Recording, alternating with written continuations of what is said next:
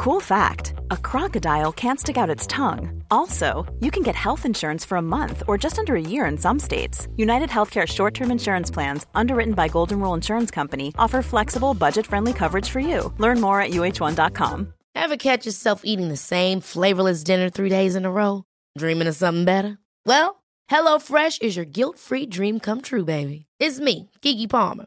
Let's wake up those taste buds with hot, juicy pecan crusted chicken or garlic butter shrimp scampi. Mm. Hello Fresh. Stop dreaming of all the delicious possibilities and dig in at HelloFresh.com. Let's get this dinner party started.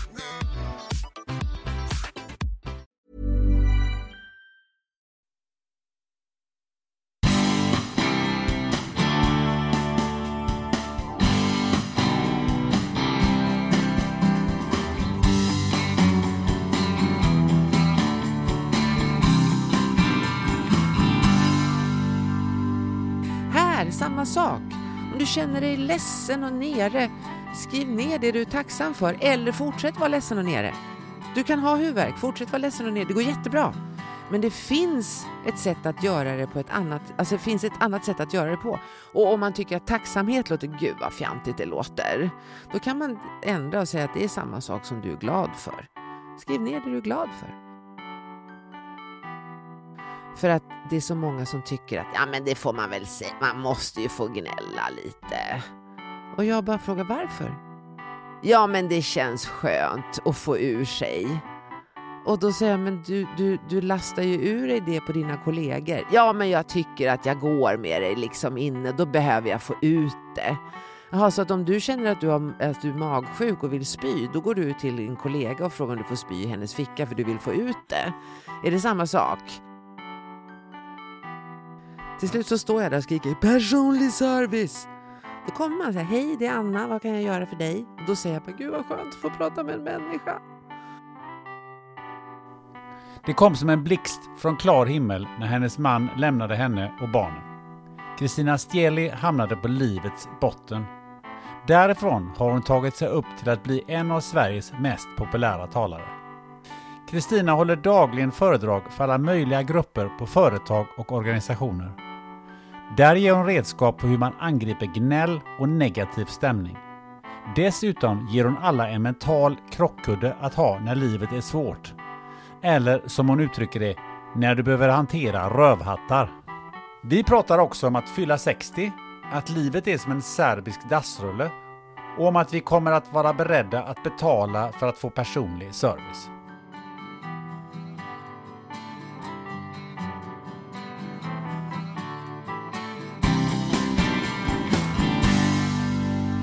Men tycker du inte det här... Jag måste jag testa dig. Eh, Jag blir jäkligt irriterad på folk som mer och mer pratar i högtalare i telefonen som sitter på en restaurang och snackar med andra och så har de den på högtalare istället för att ha det i lurar eller ha luren så. Vad tycker du om det? Jag går fram och säger till. Du gör det? Ja. Ja. snyggt. Det, det Eh, gör jag också ibland. Ja, jag brukar säga så här, om du vill så kan du få låna mina hörlurar, men jag vill inte höra ditt samtal. Ehm, det där tycker jag ligger eh, lite granna i tiden. Att, Mm. att eh, vi på något sätt, vad ska vi säga, kräver att vi har rätt att göra saker utan att tänka på omgivningen. Eh, jag har rätt att bete mig så här, jag har rätt att prata i högtalare. Absolut, det har vi, men du har också en skyldighet när man har rättigheter. Och skyldigheten är ju att tänka på sin omgivning. Det är många som är väldigt självupptagna. Eh, så man kan ju tänka lite, okej, tycker omgivningen att det här är kul? Eh, och sen så får man då ja, ha ett eget resonemang. Ja, precis. Mm. Men jag tycker att det blir en förorenad eh, ljudmiljö. Ja, det blir ett... Ja, det blir, det, det blir ett, jag är känslig för det ljudet, för det blir ett metalliskt eller digitalt ljud som inte alls är som att två människor sitter så här och pratar. Då har vi en helt annan liksom, eh, frekvens. Men eh, nej, nej, jag, jag går fram. Jag, alltså, det, jag, jag, alltså, ursäkta, men alltså, kan du stoppa in ditt headset? Och det är ofta så säger de Ja, förlåt. Men man tänker sig inte Nej. för. Så är det. Ja, så att, nej, sluta prata högt. Jag vill inte höra dina samtal. Precis. Mm. Eh, Kristina Stieli, välkommen till podden Spännande möte. Tack, bra början liksom. Eller hur? Va? Nu jävlar. Ja, nu ah, jävlar. nej. Du, är, är, det, är det Tack. Stieli eller är det Stielli? Stielli med två L. Med två L? ja, va? två L uttalas så. Ja, Mm. precis. Mm. Det stämmer. Är, det, är det italienskt eller? Eh, det är fullständigt påhittat. Fullständigt påhittat? Ja, det är det. Vem har hittat på det? Det är jag. Alltså, är det du som hittat på Ja, det är jag.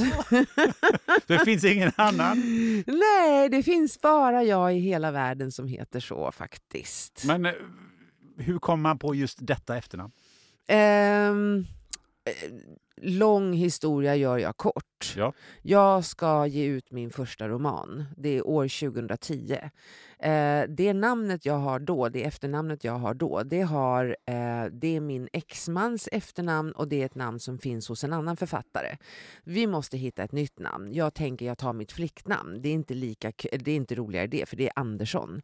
finns, alla, finns en annan författare som heter Kristina Andersson. Hitta ett nytt namn. Jag letar i släktträdet, hittar ingenting. Eh, Eh, jag hittade en italienare som jag hade fast det var långt tillbaka. Och om man ska ta ett namn som ligger mer än fyra generationer långt tillbaka i sitt släktträd, då måste man ringa alla i Sverige som har det namnet för att fråga om det är okej. Det var 58 stycken, jag orkar inte. Så då tänkte jag att då hittar jag på något italienskt namn, för jag har någon italienare i släkten. Och då sa min kompis, du kan ju heta Stjärna. Så då blev det Stielli. Stelli är stjärnor, Stielli är påhittat. Mm. Mm. Vilken härlig historia. Ja, eller hur? Ja, det känns som att du är eh, ganska rejält uppsjungen eh, så här eh, på eftermiddagen. Du har snackat lite grann idag. Äh, men alltså det är min favoritsyssla att prata. Och lyssna på berättelser och berätta saker. Eh, sitta i samtal med människor. Jag, ja, jag är nog... Eh, jag, jag har haft en föreläsning idag på tre timmar eh, för fantastiska människor. Och sen har jag pratat med en handfull vänner på vägen hit och med pappa. Så jag, jag gillar att prata. Mm, ja, härligt, då har Ja. du kommit rätt. Eller hur? ja, verkligen. Eh, när man gör lite research på dig så kommer man in på din hemsida eh, och så står det så här. Det finns inga färdiga föreläsningar. Det antar jag att det avser dina föreläsningar. Och då tänkte jag så här att eh, då är det lika bra att vi släpper sargen så det här får bli ett fritt eh, samtal. Ja. Vad tror du om det? Ja, men jag tycker det. Va? Det blir mycket mer spännande. Mm. Vi hoppas det i alla fall. Ja, vi kör på Ja. volley. sådär Ja, vi kör på lite. volley. Och, Ja. och idag har jag faktiskt det, det, det min, mest minimala manuset jag haft hela mitt Nej. liv under Oh. mina över 170 avsnitt. Jag brukar ha en dator framför mig så har man massa eh, grejer skrivet där och sådär. Va? Men nu har jag faktiskt bara tre kort framför mig. Ehm, och ett av de korten är ju mindmappen som vi ska ha eh, som utgångspunkt. Så vi får se hur det här rullar på. Ehm, I mitten på den här mindmappen vad, eh, har jag skrivit ett ord. Eh, Du får gissa vilket. I mitten Ja. så har du skrivit eh, Göteborg. Nej, det har jag faktiskt inte. Jag har skrivit krockkudde. Nej, har du skrivit krockkudde? Ja. Okej. Jag trodde Göteborg för att Ja. du hade tagit reda på att jag har bott i Göteborg. Nej, det har jag Nej. faktiskt inte gjort. Men det var, ju, det var, en, det var intressant att Ja, höra. på tal om volley. Så. på tal om volley. på tal om volley. Men om vi tar det på halvvolley då. Var, halvvolley. varför tror du jag har skrivit det? Eh, därför att det kommer upp många gånger när man googlar på mig, eh, tror jag. Krockkudde. Jag eh, har... Jag, jag, jag är ju så fruktansvärt gammal, så jag kan ju säga att jag har levt ett tag. Och jag har levt igenom en massa skit. Eh, jag har levt igenom en massa eh, motgångar, eh, alltså vidrigheter på alla möjliga konstiga sätt. Eh, för att vi ska klara av sånt i livet, för livet är ju sånt. Du har ju också haft ett sånt liv, eller hur? Lite upp och ner. Du har inte dragit det där kortet där det står här får du ett, ett liv utan problem, utan det är ju alltid någonting. Finns sådana kort? Fi- Nej, jag letar fortfarande. eh, men då är det så att då beh- behöver vi ju ha någon form av skydd för hur vi ska klara av livet. Eh, och då pratar jag om en krockkudde. Jag föreläste för eh, för polisen för eh, en tid sen. Och den här lilla gruppen som jag föreläste för, de hade ökat sin eh, sina timmar med styrketränings, styrketräningspass för att man ville då förebygga fysiska skador på polisen. Där har de sett att okej, nu har vi ett sån, sån utmaning på jobbet så vi behöver liksom stärka upp muskulaturen och styrkan och så vidare. Det är samma sak med det mentala. Där är vi så här, men där tänker vi liksom att hoppas det går bra. Uh, istället för att tänka så här, okej, okay, vad behöver jag nu när jag går in i hösten? Det kommer snart att bli jättemörkt och uh, en kvarts dagsljus. Uh, och uh, vi kommer ha utmaningar på jobbet. Det blir mera lågkonjunktur, högre räntor, jävla förlåt, inflation och kronan är inte värd någonting. Då ska vi ändå prestera. Vad behöver jag då? Och det är det jag menar, att då måste man bygga sig en krockkudde så att man klarar av de där motgångarna. Så slipper vi må så dåligt. Eller vara så deppiga. Då kommer ju den intressanta frågan som vi nu alla sitter och väntar på. Hur bygger man en sån krockkudde? Exakt. Och det tycker du att vi ska klara av i den här podden? Ja, vi hade ju en stund på oss. Ja, en stund har vi. Okej. Okay. Nej. Nej. men, ja, ja, ja, men absolut. Jag menar inte så. Jag skojar. Uh, det, är, det är en del saker som vi ändå behöver ha koll på och kanske till och med träna upp oss i, eh, reflektera över så att vi kan bygga någon form av skydd. Eh, jag behöver förstå vad jag behöver för att inte ta saker personligt. Vad behöver jag för att hitta motivationen? Eh, vad behöver jag för att känna mig glad på jobbet? Vad behöver jag för att inte snacka skit om andra? Eh, vad behöver jag för att känna mig stolt över den jag är? Eh, vad behöver jag för att inte tappa bort mig och bara göra sånt som andra tycker att jag ska göra? Eh, vad behöver jag för att klara av ett misslyckande? Eh, vad behöver jag för att våga prova nya saker? Vad behöver jag för att vara bra kollega? Eh, vad behöver jag för att inte känna mig stressad? Alltså, det är så många saker. Och eh, jag brukar ju jämföra, gör ju alltid alla som har, om man har lyssnat på mig som att men gud nu tar hon den historien igen. Men jag tycker den är så bra för att eh, man jämför min väninna som skulle springa maraton och hon har ett lopp framför sig. Hon har förhoppning om att det kommer att gå bra men hon har strategier för hur hon ska göra när det går åt fanders. Och då tänker jag, men det är ju samma sak med livet. Vi har en förhoppning om att det ska gå bra men vi har inte så många strategier för hur vi ska göra när det går åt skogen. Utan vi håller mera tummarna.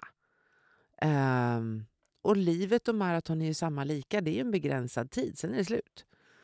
Och räknar man ut hur många dagar vi har på oss, jag brukar fråga hur lång tid har vi på oss innan vi dör, då säger de flesta det vet man inte. Nej, men vi låtsas. Om vi lever tills vi blir 85, då kan man ju slå på miniräknaren. Och då är det, då är det 4 000 veckor. Och det blir, jag frågade en gång så här, svara fort, hur många veckor har vi på oss om vi lever tills vi blir 85? En miljon! Nej, 4 000 veckor. Ja! Och så brukar man ju säga det att det är 29 000 dagar och 29 000 dagar är brutto. Så måste man ta bort en tredjedel för då sover vi. Och sen tar man bort en fjärdedel av de dagarna för då är vi antingen så små bebisar eller så är vi så dementa så att vi inte förstår vad som pågår. Alltså ingen kvalitetstid. Nu innebär det att vi har 14 000 dagar netto kvar och jag har väl levt upp hälften. Då får jag ju fråga mig, okej, okay, ska jag lägga det här i händerna på någon annan? Eller ska jag ta ett eget ansvar för hur jag ska klara av det här. Jag vet ju att jag vet ju, vissa saker vet jag vad jag har framför mig. Jag vet att jag kanske kommer att bli av med mitt jobb. Eh, det vet, alltså, vad, vad behöver jag ha då? Vad behöver jag när pappa dör? Um, vad behöver jag om jag får en konflikt med den, min syster som jag älskar högt? Eh, alltså massa sådana saker. Det dyker ju upp massa frågor i mitt huvud. Du räknar upp det typ eh, tio olika grejer. Vad behöver jag? Vad behöver jag? Vad behöver jag? Eh, och det var ju såna lite så generella grejer som kanske inte just hade med din syster att göra. Kan du, kan du gå lite djupare där och dyka ner i några såna här grundbyggstenar som du tycker att eh, det här behöver du nog ha eh, eh, generellt? Eh, då skulle jag säga att det är Eh, ja, exakt. Eh, inte det viktigaste. Men en grundbyggsten är att man har en jävligt bra koll på sin självkänsla. Att man vet hur man respekterar sig själv. Eh, hur gör man för att vara stolt över sig själv? Att vara nöjd med sig själv. Hur gör man för att aldrig känna sig misslyckad? Eh, det är en befrielse för mig. Alltså det är en befrielse för mig. För att jag är uppvuxen eh, i en sån miljö utan att jag tänker djupdyka närmare i den, men där jag hela tiden fick berättat för mig att jag inte dög någonting särskilt mycket till. Och eh, det blev ju mer eller mindre så att hela min självtro på min egen förmåga monterades ner. Och eh, då är man som en vindflöjel. Då, då, då, då går du under för, för vad som helst. Så att en tränad självkänsla är ett livsviktigt, skulle jag säga, skydd. Um, för om du tänker så här, om jag skulle sälja in till dig så här, okej, okay, skulle du vilja känna dig stolt över dig själv, vara nöjd med dig själv, eh, tycka om dig själv, eh, skulle du vilja prova nya saker och aldrig känna dig misslyckad. Eh, skulle du vilja slippa ta saker personligt, då skulle de flesta säga ja, det vore rätt nice. Ja, eftersom imorgon är det bara 7318 dagar kvar, så det vore ju skönt att kunna det. Ja, men då måste du träna din självkänsla. Och då är det många som säger, aha, nej men okej, ja det kanske jag gör någon gång. Då är man inte så intresserad av det. Ja, men hur ska jag träna den då? Eh, jag skulle säga så här, det är precis som med vilken annan sak som man vill lära sig mer om. Du pluggar. Det finns hur många eh, fantastiska böcker som helst som är skrivna utav eh, alla möjliga människor. Gör ett arbete. Det är ett arbete. Och då är det någon som säger så här, ah, fast jag gillar inte självhjälpsböcker. Nej, men har du en kokbok hemma? Har du det? Ja, jag har det ja, såklart. Då har ju du självhjälpsbok hemma. För det är också en självhjälpsbok. Ja, till att laga mat. Exakt, ja. precis. Någon har en bok, så bygger du din egen veranda. Ja, det är också en självhjälpsbok. Så att, att man hoppar ner från de där hästarna och säger att det, självhjälpsböcker behöver vi, för vi behöver hjälp i livet. Uh, så jag skulle plugga. Jag pluggade jätte, jättemycket i en period i mitt liv där jag insåg att jag hade gjort... Eh, vet när man kompromissar och så tummar man lite på vad man själv vill och känner är skönt för att man vill göra någon annan glad eller inte vara till besvär. Så att om jag då skulle eh, om min självkänsla skulle vara lite svajig så kommer jag in här och så säger du så här. Eh, jag, har gjort, eh, jag har gjort te till oss. Eh, har jag, är jag osäker på mig själv då så säger jag att okej, okay, ja men det blir bra. Eh, är jag säker och trygg i mig själv så säger jag att ah, jättebra med te men det vill inte jag ha. Jag skulle vilja ha vatten istället. För att jag har råd att säga ja och nej på ett omtänksamt och empatiskt sätt. Men om jag hela tiden flyttar mina gränser, börjar med att jag kanske tycker att ja, men jag kan jag offra mig och dricka te. Eller. Och så kommer du och säger så här, hörru Kristina, nu säger vi att du, du, och jag är ihop, det är vi inte, men vi kan låtsas. Så kommer du och säger så här, hej Kristina, eh, nu tycker jag att du som min fru kan väl spela golf? Det vore väl trevligt? Och jag tycker att golf är ju så jävla tråkigt så jag kan dö. Men det är klart att jag gör det för din skull. Det vore väl... Alltså, man måste ju kompromissa lite i ett förhållande. Och sen så kanske du säger så här att eh, eh, jag vet att du vill till Grekland men det vill inte jag utan jag tycker vi åker till Frankrike. Ja, det, det går lika bra. Det, det gör ju, ah, det tycker jag. Att, åh vad kul. För jag vet att du blir glad av det. Nu har jag börjat kliva på mina gränser. Och då, har man, då ska det komma en sån här saftblandare kommer ner ifrån taket så här bara, wii, wii, wii, wii, som säger att nu håller du på att kliva på dig själv. För vi ska kunna umgås i en relation utan att jag behöver offra eller ta bort för mycket av det som är mitt. Och där kommer självkänslan in. Att jag har en sån, att jag värderar mig själv så högt så att jag säger att vet du, det vore jättekul att spela golf för din skull så, men en gång kanske, men sen är inte det min grej. Och då måste jag vara så trygg i mig själv i den relationen så jag vet att du tycker att Nej, men det är väl fine. För mig var det inte så i den relationen, för jag visste att om jag sa nej till golfen så sa ja men då älskar inte han dig lika mycket. Fast det, här, det, det här tycker jag är jätteintressant. För jag, om du hade varit min fru Mm. och du hade gjort sådär, Ja. då hade jag blivit galen. ja, Alltså, jag kan inte leva ihop med en människa som lägger sig platt vad jag än säger. jo det kan man. Nej, det kan man inte. Ja, men nu, nej, var försiktig med vad du säger nu, Ja, för det- det, det vet- kan man. Det vet jag att jag, att jag inte kan. Ah, nej, du kan inte. Nej. Då får du säga att du kan ja, inte. jag kan inte det. Nej, men det är många som kan det.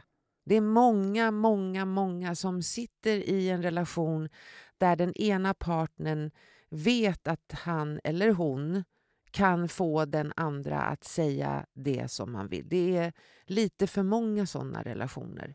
Eh, och då ska man ifrågasätta om man ska vara kvar där. Eh, jag håller med dig. Jag skulle inte idag, men jag var den. Och jag hade en relation med en person som inte såg det. Eh, som, och sen, eller också var jag väldigt övertygande. Eller hur? Jag visste ju att han älskade mig mer när jag spelade golf. Det är klart att jag gjorde det. Jag var ju rädd för att han inte skulle älska mig.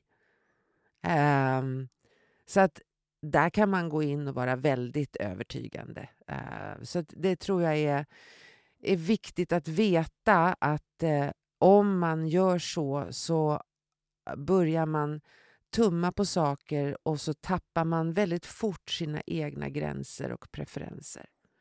Eh, oavsett var vi är någonstans. Det kan vara i en arbetssituation.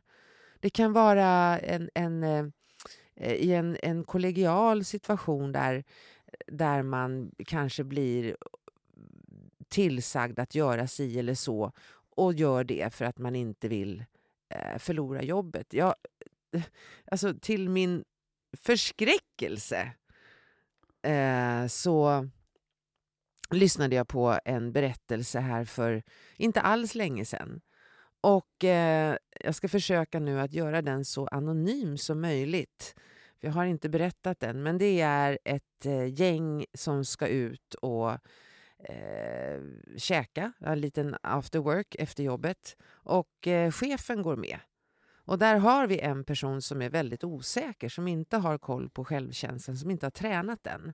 Och den personen upplever att chefen kräver saker utav hen som hen inte känner sig bekväm med, men hen gör det ändå. För att det är ju ändå chefen. Och det finns allt, om det finns någon som kan utnyttjas så finns det alltid folk som utnyttjar. Och det blir liksom ett, ett spel. Det behöver inte vara någon elakhet med. Det bara blir ett, eh, eh, ett, ett, ett, ja, ett spel. Men då är det då kan man säga så ja fast så får inte chefer göra. Nej, det håller jag med om. Men då går vi tillbaka till vad, vad, vad vi sa. Att livet kommer att ge dig en massa rövhattar och en massa skitstövlar och en massa motgångar. Du måste se till att, att bygga din krockkudde så du klarar en sån chef. Så du kan säga till en sån chef att nej men vet du vad, eh, jag uppskattar verkligen att jag får 14, eh, 14 shots av dig men jag är inte så sugen. Det är inte, så, det är inte otrevligt. Då står man upp för sin egen individ. Eh, chefen kan vi inte ändra på. Du kan aldrig ändra på andra så du måste ändra på dig själv. Så tänker jag. Gud vad mycket jag pratar. Mm, det är ju det, därför du är här. Ja, eller hur? Jag, Ja. jag kommer, ihåg, kommer inte ihåg vad du frågade. Nej, men jag, jag är fortfarande lite tillbaka till det här, eh, faktiskt som du sa. Jag, du började med teet och sen var det golfen och, och sen var det Frankrike och så vidare. Eh, det jag är lite fundersam på är hur, hur hamnar man där? Att man blir sån så att man lägger sig och att man säger att det är okej med te och golf och allt vad det är, för, eller vad det nu är för någonting. Eh, det kan ju vara betydligt allvarligare saker. Eh, hur hamnar man där som människa? Vilken bra fråga. Det är också det är också lite så här, hur långt är ett snöre? Men jag tror att det handlar mycket om att man eh, kanske inte har fått lära sig att uppskatta sig själv. Att man inte har fått lära sig att tycka om sig själv. Eller att eh, eh, känna tro och, och, stolthet i den man är. Eh, man kanske har fått höra att man inte är så bra som man tror och, och så. Eh, och så kanske man också inte tror att man är värd att man är värd kärlek om man inte offrar sig. Att man tror att man, jag, är inte, jag är inte värd eh, kärlek om jag inte i alla fall anstränger mig till att göra honom eller henne glad. Um, och om man är där, då, då har man hamnat i fel förhållande. Absolut. Du ska inte behöva. I ett förhållande där man är trygg, där så behöver man aldrig eh, tänka på att eh, man behöver göra den andra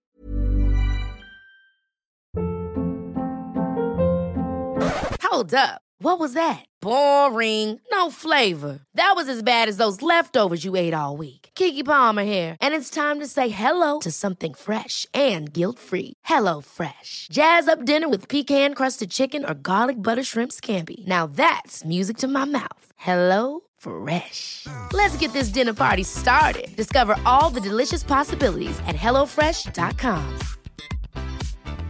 Hey, it's Ryan Reynolds, and I'm here with Keith, co star of my upcoming film, If, only in theaters, May 17th. Do you want to tell people the big news?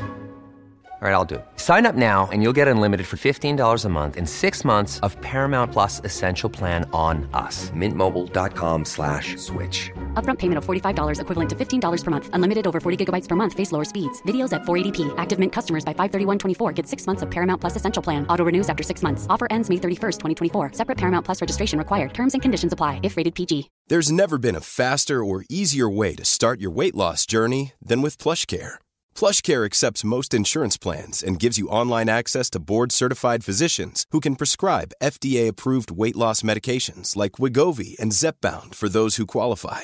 Take charge of your health and speak with a board-certified physician about a weight loss plan that's right for you. Get started today at plushcare.com slash weight loss. That's plushcare.com slash weight loss. plushcare.com slash weight loss. glad på bekostnad av sig själv. Då följer ju utav det då, om man tar den andra parten, det vill säga att jag som bjuder på eh, teet och eh, säger till att vi ska spela golf och allt det här då. Eh, hur, hur, hur blir man sån? Så att man alltid ska trycka igenom sin vilja på det sättet? Ja, det kanske beror, det kanske är eh, eh av exakt samma anledning. Det är inte mitt expertområde. Nej, men jag bara eh, tänker, du ja, reflekterar Ja, över jag förstår precis vad du, vad du tänker. För att eh, det här blir ju en form av Eh, rätt eh, smygande och påtaglig härskarteknik där man eh, upplever att man vill eh, kontrollera en person. Och eh, det, där, där tror jag gränserna är lite hårfina. Men eh, där man, och det bottnar också i att man har en riktigt usel självbild. Här har vi två stycken som har... Det blir, inte, det blir ett dysfunktionellt förhållande. Men om man är med någon som kanske... Alltså, som kanske säger så här, alltså, alltså jag skulle vilja att vi var hemma istället. Alltså måste du gå ut med dina kompisar för jag tycker det är så mysigt när vi är hemma. Mm, ja, det kan vi göra, säger jag då. Och så fortsätter det här. Alltså måste du ringa dina kompisar jämt? Alltså kan vi inte bara du och jag? Så här, Vem har du pratat med nu? Um, jag älskar ju dig så mycket. Jag tycker det är mycket mysigare när vi går ut och käkar. Och så behöver inte de andra följa med.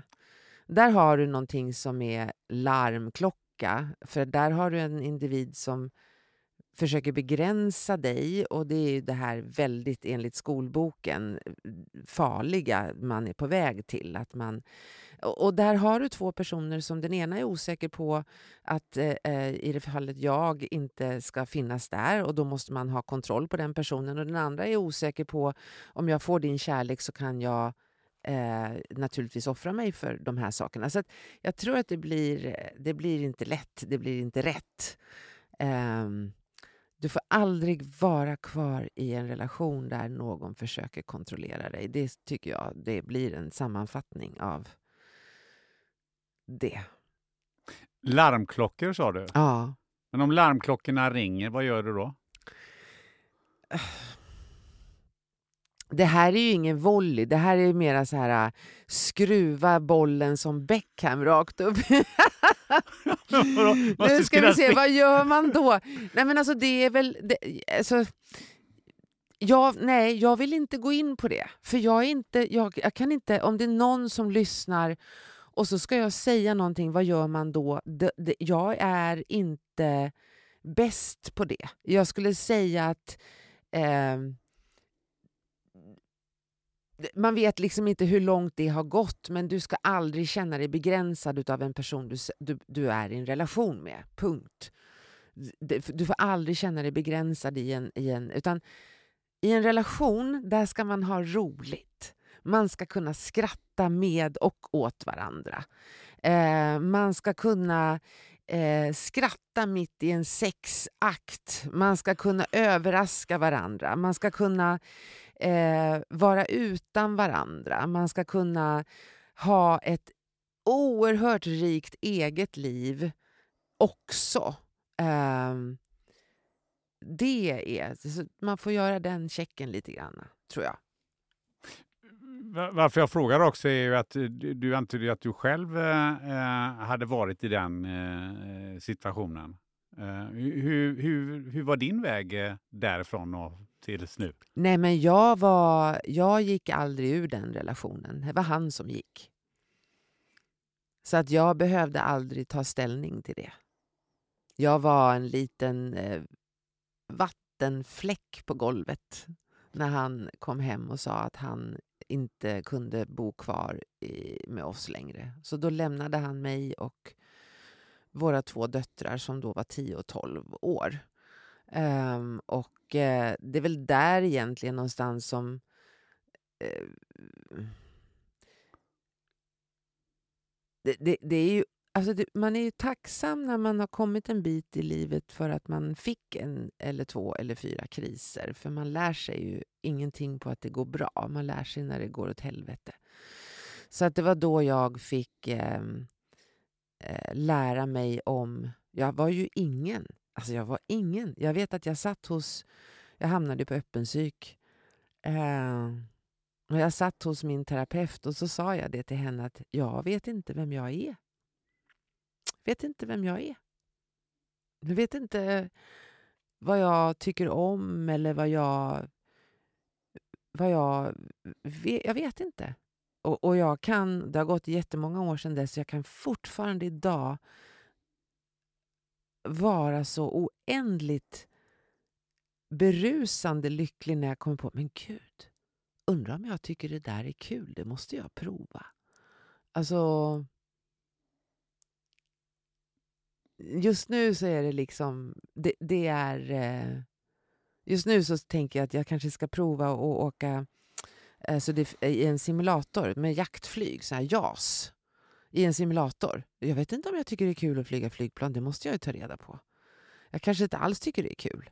Men eh, när jag sakta men säkert började hitta mina egna konturer igen och det tog säkert fyra, fem år Eh, då alltså ställde jag ut golfklubborna på parkeringsplatsen. Jag skrev gratis för den som vill ha. Men de hade han lämnat eller vadå? Nej, det var mina. Det var dina ja, egna ja. mina fina. Men alltså, det, det är... Ehm, det är... Ehm, det är, det är nästan ofattbart att, att tänka sig att jag satt där då och liksom sa det till henne. Jag vet inte vem jag är. Jag vet att jag var, grät för det var så tydligt, jag vet inte vem jag är. Jag vet inte vad jag tycker om och vad jag vill och vad jag... Jag vet inte vem jag är. Och det var, jag sa att jag har inga konturer. Sa jag. Och jag var ju också inflyttad till Stockholm. Jag hade ju bott i Göteborg när vi träffades. Och eh,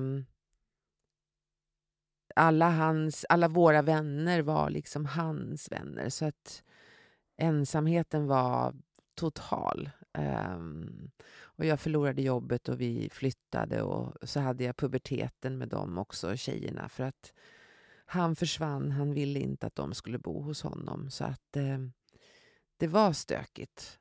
Det var jättestökigt. Du säger du, du visste inte vem du var. Eh, innan du träffade honom, visste du vem du var då?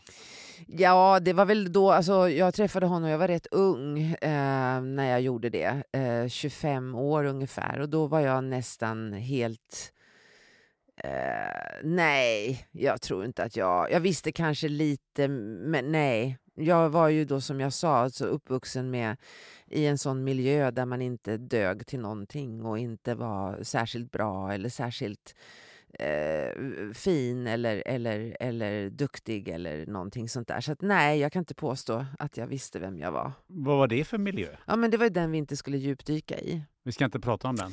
Nej, jag vill inte det för att det är en sån lång historia och det blir inte... Eh, det blir inte... Det blir, en det blir ett samtal som drar oss åt ett helt annat håll. Så att, eh, men, men nej, det är mycket religiöst, eh, mycket eh, domedag och fördömanden. Och, eh, och jag vet att när jag pratar om det här så är det många som har en tro och den ska man ha. Jag säger ingenting om den, men jag har för mycket ifrån det för att jag ska liksom kunna prata om det på ett bra sätt. Så känner jag. Jag tänker alltid det eh, personligen eh, att eh, vi har religionsfrihet i Sverige men mm. vi har också frihet från religion. Absolut, och jag skulle säga så här att var och en får tro på vad de vill men håll det för dig själv. Det, det är... Äh, jag, jag, äh, jag har... Det, det, är så mycket ändå som jag kan känna att jag, jag tappar bort mig lite när jag ska prata om det för jag vet att min röst blir hårdare jag blir taggigare, jag, eh, stubinen är borta och, och, så. Så att jag vill inte gå in i det. Stubinen är borta, den är inte ens kort. Den är inte ens kort, det är bara att tända på direkt. Men då bodde jag ju i Göteborg, och, i alla fall. Och då, eh, när jag flyttade till Stockholm då, så blev det mest hans vänner då, om man går tillbaka till det. Mm. Känns som att eh, vi har ett annat poddavsnitt att göra. ja, det skulle vara spännande. Du. Det ligger en kyrka inte så långt härifrån. Alltså, det kan säkert vara så. Eh, du, men eh, om vi går tillbaka till det här och krockkuddar eh, och så vidare. Eh, jag tänker lite eh, det, som, det som du utvecklade sen efter det att han hade lämnat dig. Ehm, det var ju från vattenfläcken på golvet som du nämnde då till, till den du är som, som sitter här. Ehm, och kan du idag, om du reflekterar så här, så här, fan vad jag är glad att han stack. Absolut. Vad roligt att du säger så. För att jag vet inte fan om jag hade haft modet att göra det. Jag vet inte det. Um, jag började ju känna att att jag mådde dåligt. Eh, jag vet han, han la handen på min mage en gång och så sa han Har du inte gått upp lite i vikt? Och, och då kände jag så att men det, det skaver för mycket. Det var alltid något som var fel. Och um, jag vet inte om jag hade vågat. För att jag inte Alltså jag var ju eh, i den, eh, den här, liksom som man säger, kvinnofällan. Jag är ju så gammal, så det var ju så att jag var hemma med barnen och sen så när jag tog ett kliv ut i arbetslivet så tog inte han ett kliv in i familjen. Så det var ju väldigt ojämnt så. Um, jag vet inte om jag hade vågat. Men är du glad idag för att eh, det som hände hände, även om det var jävligt jobbigt? Ja, det är jag. Jag är svårt för att säga att jag är glad för att det han gjorde skadade våra döttrar så väldigt, väldigt, väldigt mycket. Eh, och jag förstår att man kan... Eh, att man vill, alltså det tycker jag vi måste ha klart för oss. Att, att hålla kvar i ett förhållande som inte är bra, bara gå. Men gör det på rätt sätt vi planerar bröllop så här, fyra år, om fyra år ska vi gifta oss, gud det ska bli så härligt och så planerar man och planerar och planerar. Planera en separation också. Okej, vi börjar känna att det är lite dåliga vibbar här, ska vi säga ett år, vi ger det ett år och så börjar vi planera vår separation. För den är ju ännu viktigare att planera än ett bröllop tycker jag. Eftersom då har man ofta kanske barn och en, en etablerad eh, liksom, umgängeskrets. Så, så att eh, eh, jag önskar eh, att han hade gjort det på ett annat sätt. Än att bara gå. Ja, för jag tycker att det finns ju många saker eh, här i livet där man kan säga så här att det var jäkligt jobbigt, det som hände där och då. Mm. Alltså jag kan ju säga att jag hade e-, en egen reklambyrå tillsammans med min hustru. Och, och den gick i konkurs. Ah, efter 18 år. Ah. Och det, det var ju fruktansvärt jobbigt där och då. Men jag hade inte suttit här och snackat med dig om jag hade hållit på med den byrån. Nej. Men livet är ju mycket bananskal. Eh, sen tror jag att det är också igen där att generalisera är jag lite rädd för. Eh, jag tycker att det är viktigt att man, alltså man behöver inte, för att man har gått igenom någonting svårt, vända det till att det var bra det som hände. Jag har eh, två fantastiska väninnor som båda har förlorat sina barn. Eh, en var nio år och en var, jag tror han var tolv. Och, och det går aldrig att säga något sånt där. Eller att Nej, så jag är försiktig med det. Jag, vill liksom, jag, jag har varit bra på att säga så här är det och så här är det. Men jag har lärt mig att det måste finnas en nyans. Så att det man har gått igenom, man förlorat någon, för det var en förlust. Eh, förlorat någon eller något. Eh, det behöver inte innebära att jag sitter och är glad för att det blev så idag. Men jag är tacksam för att jag klarade av det och att jag sitter här idag. Det kan jag säga. Jag är tacksam för att jag roddade igenom det och för att jag sitter här idag. Eh, det är jag. Sen är det så svårt att veta. Liksom. Jag älskar den där filmen som heter Sliding Doors. Eh, för den är, alltså, jag älskar den, för den är så tydlig. Du, du nickar, du har sett den också. Absolut. Eh, nej, men det är ju bananskal. Det är, vi vet ju ingenting. Jag tycker det är jättespännande. Den tiden jag har kvar, jag kan ju vakna på, eller jag gör ju det, om jag har sovit bra. Jag, sömn är det viktigaste för mig. Alltså tar du ifrån mig min sömn, då jävlar, då slår jag dig. Alltså du blir galen. Då är stubinen borta. Då är stubinen borta, det finns inte, alltså det är bara krut. Eh, nej men, eh, och men annars när jag vaknar på dagarna så tycker jag liksom så, åh vad spännande det ska bli idag. Undrar vad det här blir för dag. Prata med så många jag kan och säga hej. I morse när jag åkte hiss på hotellet så var det en, en ung kille som jag klev in i hissen och det, han luktade så gott. Och jag bara, gud vad du luktar gott. Och han rodnade som, men tack så mycket. Vad glad jag blir. Jag ska på ett möte och är jättenervös. Och det behöver du inte vara, så jag. Och du byter aldrig det där schampot. Alltså, de här små mötena, de betyder mycket. Och ja, Jag vet inte varför jag kom in på det. Men eh, nej, bananskal. Man vet, just det, man vet aldrig. Man vet aldrig. Jag tycker ordet tacksamhet är intressant. Mm, det är min bästa gren. Jag intervjuade för ganska länge sedan en kille som heter Aron Andersson. Mm. Eh, som du också vet, eh, verkar veta vem det är. Han sitter ju i rullstol mm. um, och gör massa äventyr och, och, och, och grejer. Um, och han pratar rätt mycket om det här med tacksamhet. Mm. Uh, för han sa liksom att ja, jag, var så, jag var tacksam när jag var barn och så låg jag där på den här eh, canceravdelningen och så fick jag eh, det här cellgiftet insprutat och så hade jag en annan kille som låg på samma avdelning. Och han spydde tre gånger i timmen och jag spydde bara två. Ah, var han tacksam för det? Och det var han tacksam Ah. för. Och det var liksom han, att han, han menar liksom att, att även om det är fruktansvärt så kan man vara tacksam för att eh, i förhållande till något annat. Då. Eh, vad tänker du kring det? Men alltså, där är ju jag, jag är ju en eh, nörd när det kommer till forskning. Jag prenumererar på otroligt många nyhetsbrev om forskning och från universitet som jag har valt ut och så. Och det som är så tydligt och som jag tycker att vi människor liksom så nonchalant struntar i, det är vad tacksamhet gör med oss vad det, in, vad det gör med mig och min kropp fysiskt eh, när jag tänker på eller skriver ner eller pratar om det jag är tacksam för.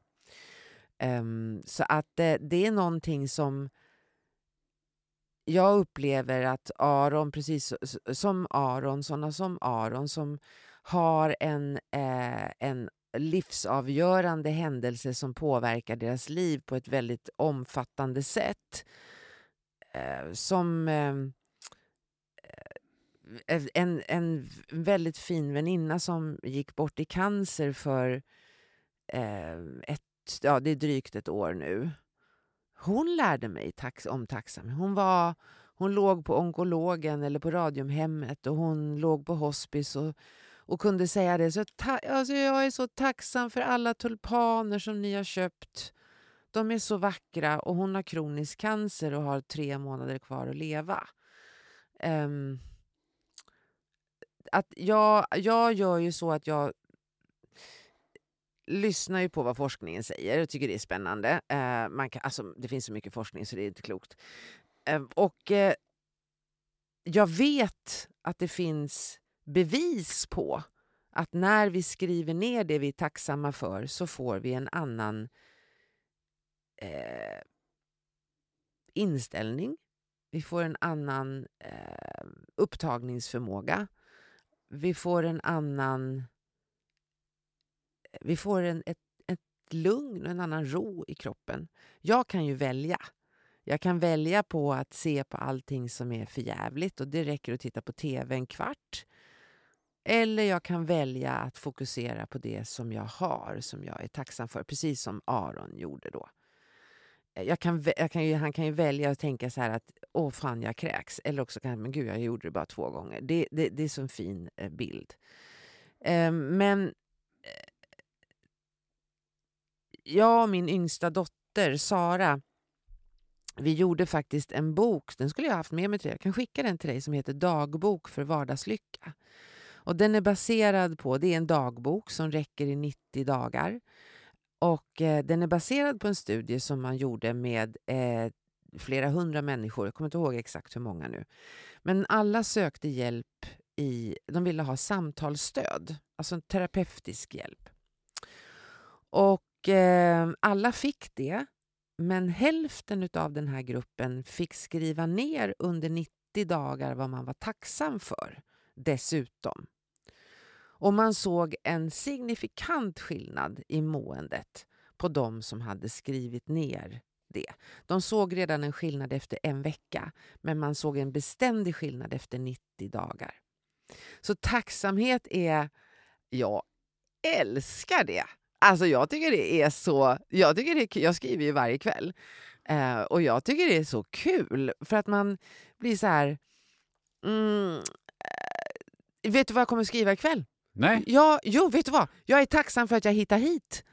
Jag menar, ni håller på och gräver upp hela, hela jävla Göteborg. Jag Ja, visste ju inte vad var. Nu, nu, nu ska vi... Nu ska du, brukar du säga, så har du sagt någon gång, nu ska du akta dig för vad du säger. Ja. Ni säger du. Jag, ett, jag gräver inte i gatan. Ja, det- Två, förlåt, jag bor i Lerum. Förlåt, jag bor i Lerum. Förlåt, förlåt, förlåt. förlåt. Men alltså, folk håller på och gräver upp hela Göteborg och det, hela min själ blir alldeles ledsen. Men eh, jag är tacksam för att jag hittade hit. så jävla stolt över att jag hittade hit. För när jag kom ner hit, men gud, det är ju, det är ju här, jag känner igen mig. Så att det är såna här små saker som man ska eh, uppmärksamma. För att eh, du, om du tänker så här, vill du vara bitter eller vill du vara glad? Typ. Det är lite så man hårdrar det hela. Man kan bara skriva ner det man är tacksam för. Det är inte så farligt. Jag gör det ju regelbundet. Eh, var, jag gör det varje kväll, men jag gör det också när jag känner att jag behöver en extra puff. Om jag... Häromveckan så kände jag mig så jävla ensam. Um, för jag lever själv och mina döttrar har ju flyttat, tack och lov. Uh, så det är jag glad för. Och um, jag har världens mest ensamma jobb. För att även om jag möter, som den här veckan, så möter jag ja, cirka 800 människor. Men det är så ensamt, för man är ju helt själv som när man står på före och föreläser eller håller utbildningar. Men då när jag känner mig ensam, jag kan absolut stanna i det. Det är väldigt viktigt att veta att det finns en terapeutisk fördel eller, eller uppsida i att vara ledsen. Man måste tillåta sig att vara ledsen, men sen kanske man inte vill vara det hela tiden. Och då skriver jag ner det jag är tacksam för. Det är jättesvårt för hjärnan att vara ledsen när man skriver ner det man är tacksam för. För att vad du gör när du gör det, det är att du lurar hjärnan för att få igång endorfiner, dopamin och oxytocin. Det är bra skit. Det är bra skit. Ja, det är bra skit. Det är uh, jättebra. Och det, och, och, men har du aldrig upplevt eh, det du sa alldeles nyss, här, ja, man, man, är, man, man, kan välja att titta på nyheterna och så blir man deprimerad efter en kvart. Eller så kan man ju välja att skriva ner och, och du vet så här. Men det är inte många som säger, åh fan, det är lätt för dig att säga. Ja. Men för mig, vet du, det är, det, det är inte lätt. Mm. Stackars dig. Ja. Vad ja. säger du då? Säger att skit på dig. det, för det första så har jag aldrig sagt att, och det är aldrig någon som har sagt till dig att livet ska vara enkelt. Vadå det är lätt för dig att säga? Ja, men alltså, det är lätt för dig att säga också. Det, det, det, det, är någon slags... Eh, vi, vi slänger det är lätt för dig att säga. Um, men varför ska inte livet vara enkelt? Min morsa sa alltid så här att ja, ja Gunnar, det är inte så enkelt. Livet är inte så enkelt. Det ska, vara, det ska inte vara så enkelt, det ska vara svårt. Men, och då jag tänkte jag så här, men, ja, men det, du är helt galen alltså. Det, det, det, här är en mycket enklare lösning, då gör vi det. Så är livet enkelt. Ja, men jag tycker att... Uh, jag tror inte att någon har ett enkelt liv, men man behöver inte göra det svårare än vad det måste vara. Eh, och, och då menar jag så här att om jag skriver ner det jag är tacksam för så innebär inte det att jag går runt och bara la la la la la la la. Jag tror inte att det finns några problem i hela världen för jag går upp eh, med huvudet i ett moln och tror att alla är underbara och luktar på blommorna och, och sjunger vackra sånger och pling-plong och så här. Jag, vet, jag, är, jag är väl medveten om det men jag vet också att om jag... Eh, alltså så här du vet ju, har du ont i huvudet någon gång? Nej. Nej men säg ja. Säg, ja, ja låtsas. Okay ja, du har ont i huvudet. Okay, ja, bra. Ja, du har ont i huvudet någon gång. Ja. If you say so. Ja, exakt. Och då kan man ju då säga så här att man kan ta en Panodil eller så kan man fortsätta ha ont i huvudet. Det är väldigt få som jag möter som säger så här, nej men jag gillar ont i huvudet. Jag tycker det är härligt att ha ont i huvudet, de som har ont i huvudet. De flesta tar en Panodil. Okay? Det, är, alltså, det är samma sak här. Om du vill att det, man gör det inte svårare än vad det behöver vara. Ta en Panodil så är det bra sen. Här, samma sak. Om du känner dig ledsen och nere, skriv ner det du är tacksam för. Eller fortsätt vara ledsen och nere. Du kan ha huvudvärk, fortsätt vara ledsen och nere. Det går jättebra. Men det finns ett sätt att göra det på ett annat, alltså det finns ett annat sätt att göra det på. Och om man tycker att tacksamhet låter, gud vad fjantigt det låter, då kan man ändra och säga att det är samma sak som du är glad för. Skriv ner det du är glad för. Eh, det är ju så här att det negativa kommer alltid att vara pågående. Det kommer alltid att vara krig. Det kommer aldrig att bli fred på jorden. Det, alltså, antingen så stoppar man ner huvudet i det eller så koncentrerar man sig på det man har här och nu. det jag är tacksam och glad för här och nu. För då får vi den här krockkudden på plats så att vi orkar med skiten. Vi orkar med despoter och galna krigsherrar eh, och räntor och, och konjunkturer och lån och ekonomier. Det är en panodil för mig. Behöver vi lite skit eh, för att kunna, också för att kunna känna lycka? Ja, det vet jag inte, men det är väl klart att... att eh, jag vet inte om jag... Frågan är ju... Om jag sa nej, det behöver vi inte, men det är, alla har ju skit. Så jag vet inte... Jag, jag tror att eh, vi behöver leva eh, för att känna lycka. Vi behöver eh, ta en stor tugga liksom av livet för att, eh, för att känna att vi lever. Och för att känna lycka så måste vi nog jobba lite för det. Eh, jag skulle nog aldrig säga så här att nej, var man inte lycklig idag heller. Utan jag gör ju saker för att... Jag, jag gör sådana saker som jag vet gör mig glad. Nej, vad jag tänker på är, behöver vi det här lite eh, yin och yang? Alltså behöver vi hösten för att känna, för att kunna njuta av uh, våren? Behöver vi mörkret för att kunna njuta av eh, uh, uh, midsommarsolen? Nej, inte alls. Alltså det där blir jag så förbannad på. Alltså de säger de så här, då säger folk så här nu när det kommer höst, gud vad mysigt, nu får vi gå in och tända ljus. Men det kan du göra på sommaren också, dra ner rullgardinen och tänd ljus. Om du, det, det är så här, för det, då ska man, men det är ändå en bra strategi för att klara mörkret, så det ska vi inte säga någonting om. Bra, heja, fortsätt tänd ljus. Men det är verkligen inte så att, ba, alltså, jag är ju väldigt mycket i Italien. De har så här där jag brukar vara så blir det aldrig eh, kallare än 12 grader. Det är inte så att de bara så här, inte uppskattar sommaren. Nej, jag känner inte att jag uppskattar sommaren för vi hade inte istid eh, på vintern. Nej, men de uppskattar ju livet för att livet kommer när, när de får... De uppskattar maten. De kan stå, de kan stå och, i, i kaffebaren på morgonen och prata med varandra och dricka en ristretto och, prata om att det här kaffet måste, måste vara de bästa bönorna som vi har haft överhuvudtaget den här säsongen. Och hur är det med kaffeskörden i år? Och så är man liksom tacksam för det.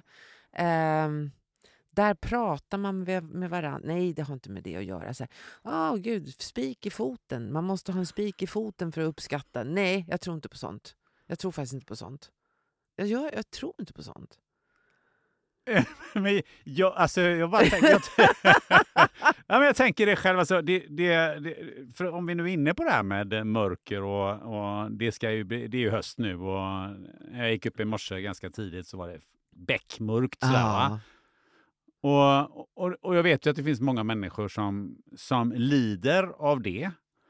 Uh, och själv så det är klart att jag tycker att det är härligt när det börjar bli ljusare på våren, men jag, jag kan inte påstå att jag överhuvudtaget lider av mörkret. Så jag kan till och med tycka så här att ja, sommaren kan vara lite stressigt för då ska man jobba och sen ska man hinna med altanen. Ska man liksom vara ju, alltså det, men är det riktigt sketväder och det är mörkt ute, ja men då kan man ju sitta och jobba här några timmar extra. Det spelar ju ingen roll. Jag tror inte att vi behöver mörkret för att uppskatta ljuset. Det tror jag inte. Um, och sen är det ju olika hur man upplever vad som man tycker om och så vidare. Men om vi går tillbaka till hur vi ser på saker och ting så tycker jag att det finns en, um, en otroligt spännande studie. Det är en, eh, en kvinna, som en professor på Stanford University i USA som uh, kom fram till att, vänta lite nu, de som bor i Tromsö de har ju mörker tre månader per år då solen inte ens går upp. De, om det är så att vi blir påverkade av mörkret, då måste ju de vara som typ, alltså det måste vara världens mest deprimerade stad. Så hon satte igång ett projekt för att titta närmare på det här. Hon kom fram till att de boende i Tromsö var inte mer nedstämda än de som bodde vid Medelhavet. Och eh, då var ju mörkret plötsligt off the table om man säger så. Så hon var tvungen att åka upp till Tromsö och kolla vad fan gör ni? Och eh, det lärde mig mycket. Eh, för att vad hon kom fram till det var att när det började liksom det här man börjar närma sig de här månaderna och det är väl november, december, januari de är helt becksvart där uppe. Tänk dig, alltså du går i mörker dygnet runt. Eh, och när den här perioden börjar närma sig då börjar man och liksom, gud nu blir det snart mörkt. Och nu, börjar, nu planerar man festerna som man ska ha. Man planerar ljusshowerna, man planerar marknaden, man planerar karneval, man planerar eh, alltså alla möjliga tillställningar, bjudningar, öppet hus, konserter. Så under den här tiden så har man fullt pådrag med allt möjligt du kan tänka dig. Det är fest och det är mycket mycket eld och det är mycket ljus och det är mycket eh, alltså glädje som man har där. så. Eh, jag tror det heter ljusfestival eller så. Så vad det visar sig där är att de tar sig an de här tre månaderna med totalt mörker med en helt annan inställning.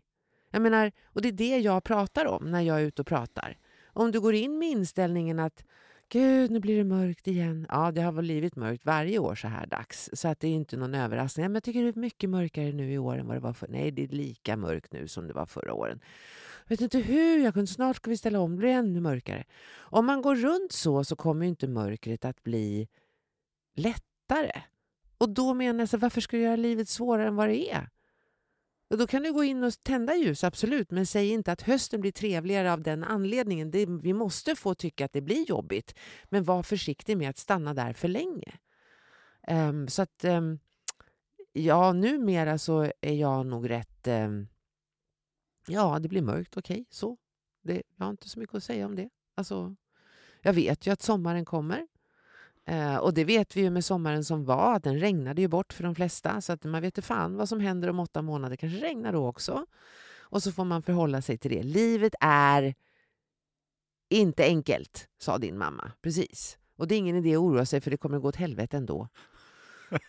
nu måste jag bara studsa på mellantid för att veta hur länge, hur länge vi? Ja. ja, vi är vi. Men nu har på en nu timme. stänger folk snart av.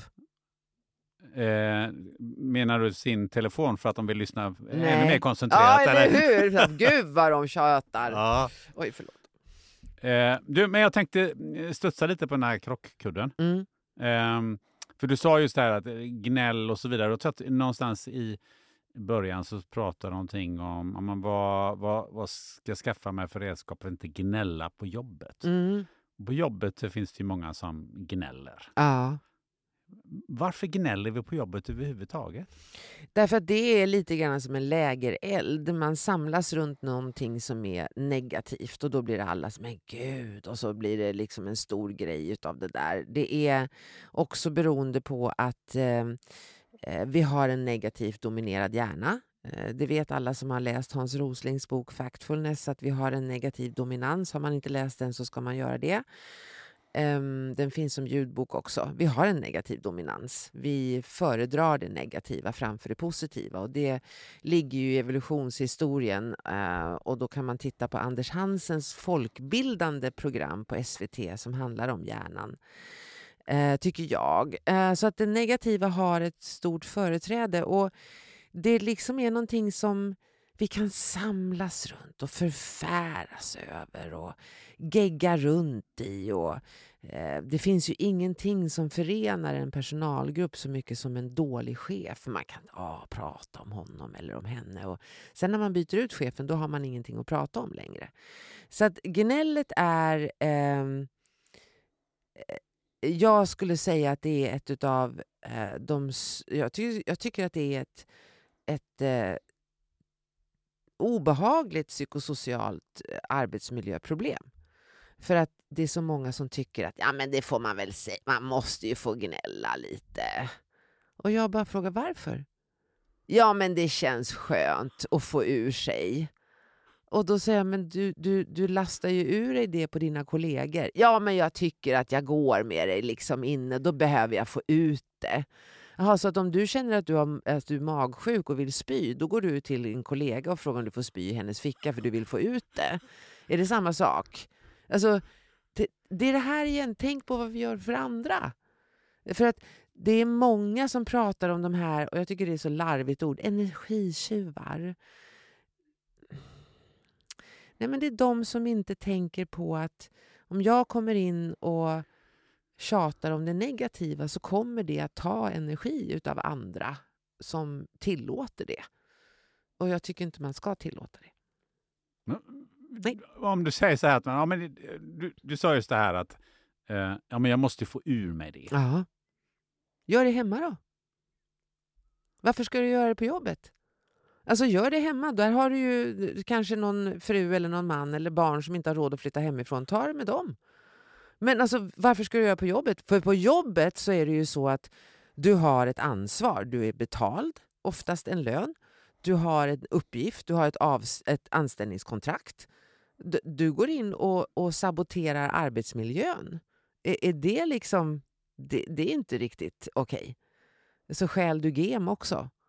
Alltså, är du med? Ja, men alltså, det var någon som sa på en föreläsning, vad då får man inte vara sig själv på jobbet eller? Nej, exakt. Det är ingen som vill se Ulla på jobbet, på kontoret, stå i morgonrocken och papiljotter i håret och dricka kaffe på morgonen när du kommer. Det är ingen som vill se dig bajsa med öppen dörr. Alltså, på riktigt, nej, du har inte rätt att vara dig själv på jobbet. Om du har behov av att gnälla, gör det i bilen där ingen hör dig, eller hemma. Men anledningen till att man gnäller, det, du måste komma ihåg vad drivkraften är för någon som gnäller. Det är att få uppmärksamhet. Så att därför blir det plötsligt inte så spännande att gnälla när man sitter i bilen. Då är det plötsligt inte så viktigt att få det ur sig. För att den som gnäller vill ha bekräftelse och uppmärksamhet. Så det är väldigt egoistiskt. Eh, och därmed så tyck, därför så tycker jag att man får ta och titta sig själv i spegeln och undra vad är det jag in, alltså, vad för jag in på arbetsplatsen? Är det här någonting som gör att, varför ska vi göra det svårare än vad det är? Jobb är jobbigt, det är därför det kallas för jobb. Ska du gå in och gnälla så gör du jobbet svårare. Men vad, vad, säger du till dem som eh, har ett antal gnällspikar och kanske till och med gnällspikarna dominerar i en, eh, i en grupp av människor som, som är på, på jobbet för att ja, men de har anledning att gnälla för att chefen är ju inte och så är det lönen och så är det ju eh, inte rent och sen så är det och vi går aldrig ut på något, gör aldrig något kul och då jag ska bara ovanför, ja, men man måste minst jobba över fem timmar varje vecka och, och, och. Jag vet, visst så blir är det enkelt. Så blir det rätt många så här ja. Eh, så kallade bajsmackor på ja, varandra. Ja, men liksom, vad, hur bryter du det? Alltså, där är det ju så att vi, vi behöver ha en gemensam överenskommelse. Um, och uh, vad jag menar där är att uh, om fortfarande har du ett ansvar gentemot dem som du arbetar med. Om du kommer in och klagar på någonting, för jag tycker det är skillnad på att klaga och gnälla. Då om vi säger så här, då går du till den som är ansvarig. Då går du till chefen och säger så här, Hörru du, jag tycker vi behöver ha lite flera AV. Fri sprit på torsdagar vore det härligt. Jag lägger in det som förslag. Då har du gjort någonting, men älta inte det. För det är farligt för oss att göra det. det alltså, du bryter ju ner en massa saker i hjärnan. Du, du ser till så hjärnan får ju stresspåslag så det bara skriker om det. Eh, de här människorna som gnäller, de behöver förstå att de påverkar sin omgivning negativt. Eh, och att det också försämrar arbetsförmågan. Och jag var på neonatalen eh, på ett sjukhus någonstans i Sverige, de som tar hand om för tidigt födda barn. Och där sa en av eh, cheferna att vi har förbjudit gnäll här. För att vi vet att det försämrar vår förmåga att göra ett, det bästa jobbet vi kan. Och det har vi inte råd med här. För här har vi barn som väger sju hekto och de ska överleva. De kollade varandra innan de gick in. Så här, är du okej? Okay? Är du okej? Okay? Bra, då går vi in och gör vårt jobb och så tar vi skiten sen. Jag äg, i, I personalrum där ska vi hämta energi. Alltså, det är förvånansvärt få som inser hur farligt det är att älta det negativa. För det leder bara till att du blir sur, deprimerad, bitter och sjuk. Och det kan man fortsätta med. Och sen imorgon är det bara 4316 dagar kvar. Vad ska du fokusera på? Och när jag pratar med företag och med organisationer så kommer man ju snabbt fram till att nej men gud, vi måste ta tag i det här med gnället. Och jag tror att det är väldigt, jag vet att det är väldigt många som, som har lätt för att fastna i de här negativa ältande hjulspåren som har kommit fram och sagt att Gud, du pratar ju om mig. Det här måste jag ändra på. Jag vill ju inte vara en sån. För man får liksom bestämma sig för, jag brukar säga det, bestäm dig för om du ska lysa upp rummet när du kommer eller om du ska lysa upp rummet när du går. Det är ingen som tycker om en gnällig jävel. Så hy, alltså, ta, gör så gnällfria zoner och prata om positiva saker istället, roliga saker. Ehm, det är ju faktiskt en skola i Småland som gjorde det här och rektorn han ringde efter två veckor och sa att vi har det mycket roligare nu för vi har gnällfritt inne i personalrummet och vi har mycket roligare, mycket bättre stämning. Men de två första dagarna hade vi ingenting att prata om. en sak som jag har märkt att, eh, att om man är, kommer på morgonen på jobbet eh, och är väldigt positiv och börjar köta och eh, eh, säger god morgon och så vidare. Så finns det människor som säger du, du, du får alltid så här, jobbigt så här. Och så gott humör är inte jag på på morgonen. Jag orkar inte med dig. Mm. Jag orkar inte med någon som är så positiv. Nej. Eh, alltså, det är återigen, känn in stämningen. Du är inte liksom, det, det, alla ska inte rätta sig efter dig. Om ni är på en arbetsplats där man det kan vara någon som behöver fyra koppar kaffe. Som kanske har en ungjävel som har kolik på nätterna. Eh, och en, en partner som inte är eh, härlig, eller vad det nu är. Eh, då kan man liksom känna in det lite grann. Man kan säga alla är kanske inte på bästa humöret, men man kan hälsa på varandra och man kan eh, fråga har du haft en bra natt eller sovit gott? Eh, behöver inte fråga folk hur man mår, för att det kan vara faktiskt så att vi behöver släppa den där lite grann för att alla vill fan inte berätta hur jag mår. Eh, fråga, eller gör som de gör i Italien. Eh, när man möter folk på söndagspromenaden, då är det tre saker man pratar om. Det är vad åt du igår kväll, hur mår magen och hur gick det i fotbollen? Sen är det klart. Sen är det klart. Sen är livet... Men det är lite grann så här också på jobbet att att, att vi, har, vi har kollegor och det kanske inte är alltid de som man eh, älskar allra mest, men vi ska jobba ihop. Och bara för att man jobbar ihop så behöver man inte tycka om varandra. Det är faktiskt inte nödvändigt, men man behöver respektera varandra. Eh, så att jag skulle nog eh, eh, känna mig för, komma in och man skulle absolut så ska man hälsa på varandra. Eh, det är, det är bara dumt att inte göra. Det är viktigt på en arbetsplats, artigt. Man säger hej och god morgon. Sen så kan man signalera bara att, eller ha en skylt där det står jag behöver fyra koppar till innan jag kan prata. Nej, men just det här eh, att säga god morgon till folk, eh, det kan göra underverk och jag har också märkt att det, det blir uppmärksammat för att ja, det är inte så många som gör det. Nej. Det tycker jag är ganska konstigt. Ja, visst är det det. Det kom en studie från Malmö universitet. Jag tror, ja, det måste varit Malmö, jag försöker se den framför mig nu.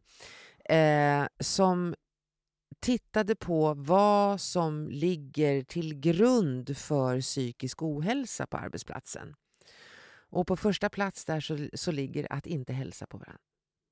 Det är många som pratar om gud, vi har psykisk ohälsa. Ja, men om man har psykisk ohälsa på en arbetsplats då ska man gå och kolla sig själv i spegeln.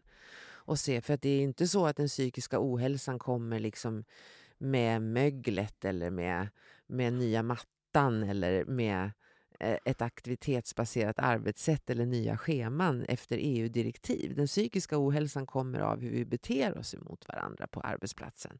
Och då säger man då i den här studien att, att, att inte hälsa att avbryta, att komma med nedsättande kommentarer, att anklaga varandra och att ja, att himla med ögonen och använda kroppsspråket på ett ofördelaktigt sätt och att avhålla sig från välförtjänt beröm, Mm. om jag minns rätt.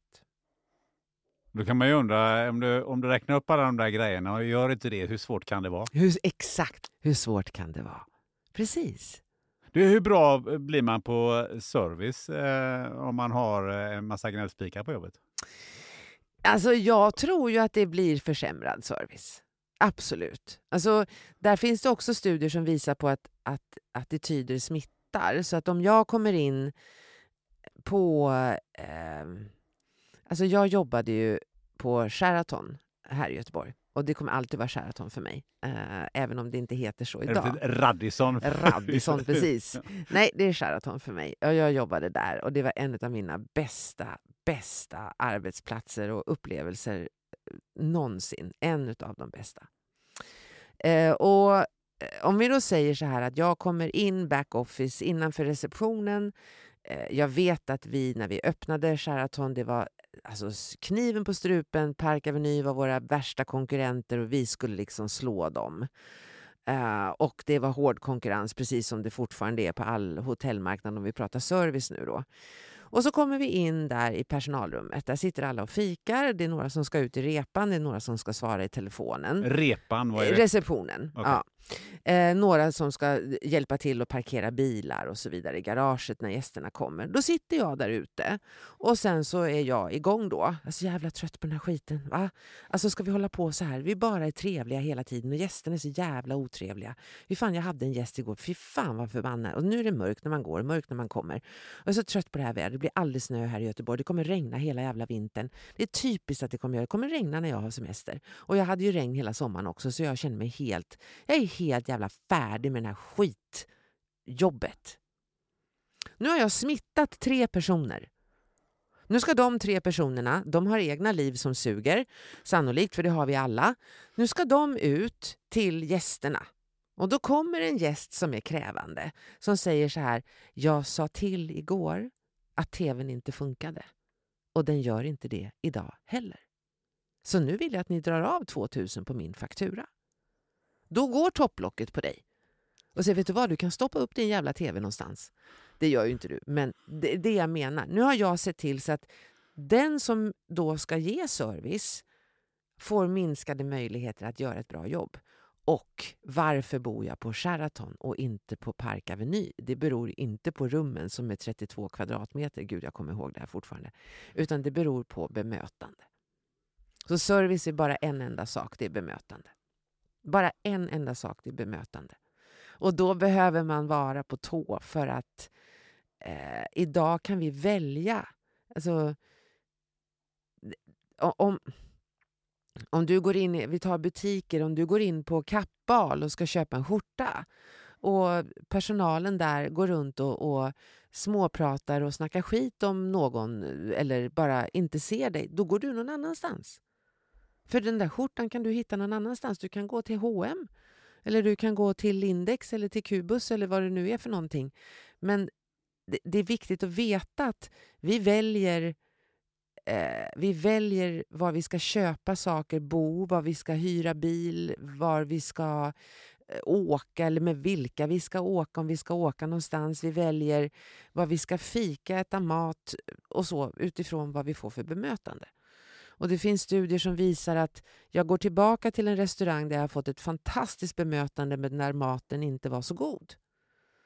Där går, dit går jag tillbaka. Nej, men vi ger dem en chans till. Men jag går absolut inte tillbaka till ett ställe där maten var fantastisk och personalen inte var det.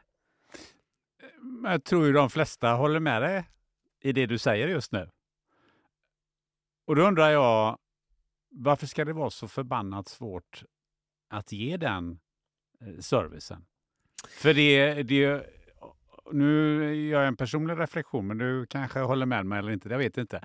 Men, men jag kan ju uppleva att det finns fler ställen som jag kan räkna upp som inte har gett mig den servicen som jag eh, tycker att jag kan få. Och då menar jag inte att jag ska få en service som att de ska liksom bära in mig och ut ur affären. Inte det det handlar om.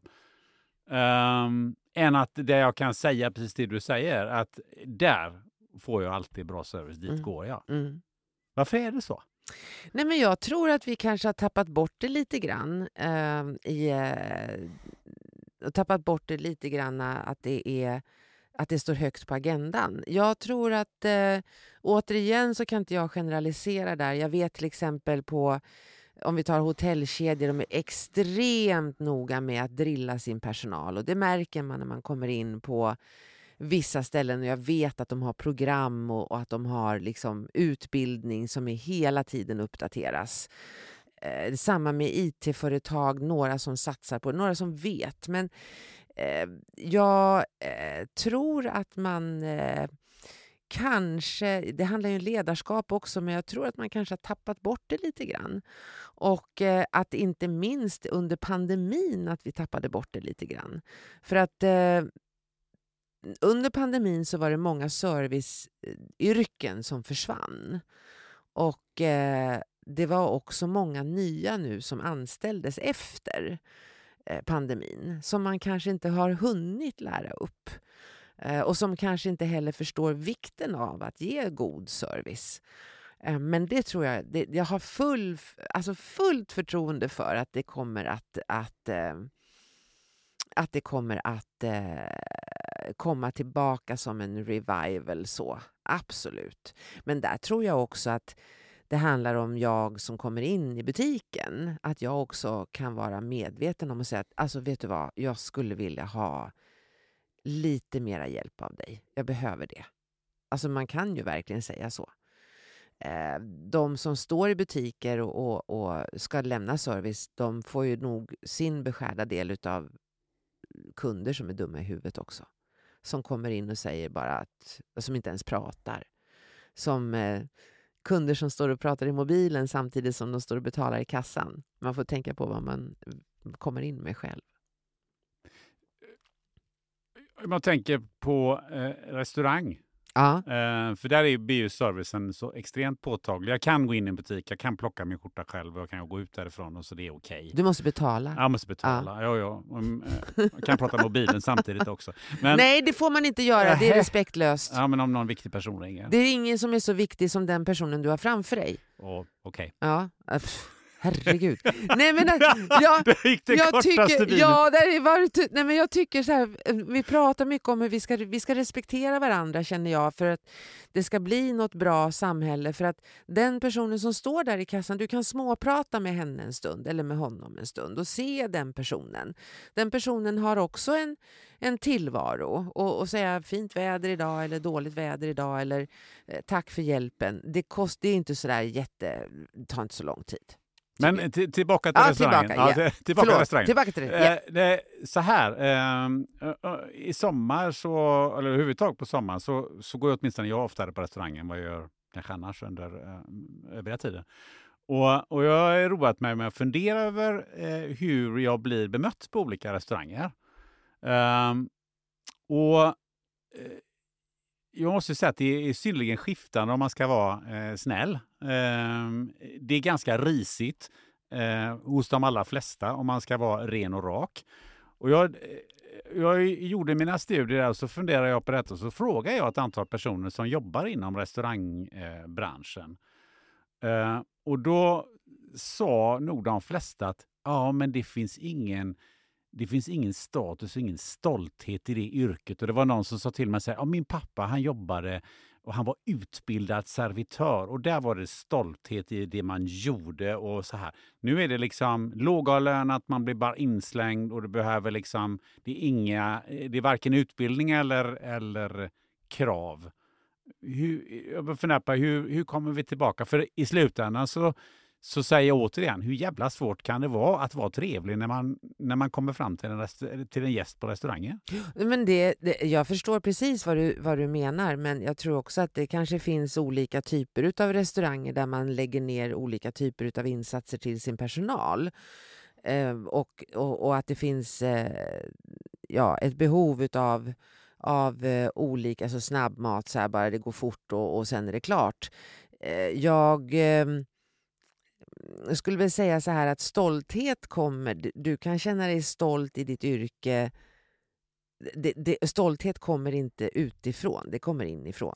Ja, för att jag vill haka i där lite grann. För, för mig är det ju så här, oavsett om jag får en utbildning eller inte, om jag Ja. skulle nu gå in och jobba på en restaurang, eh, så skulle jag ju tycka att om jag jobbar där, då vill jag vara jävligt trevlig och, och göra det här jäkligt bra. Den här gästen ska bli glad. Ja. Inte för att jag har fått en utbildning, utan för att det på något sätt ingår i mitt, kalla för DNA eller mitt sätt att tänka eller sådär.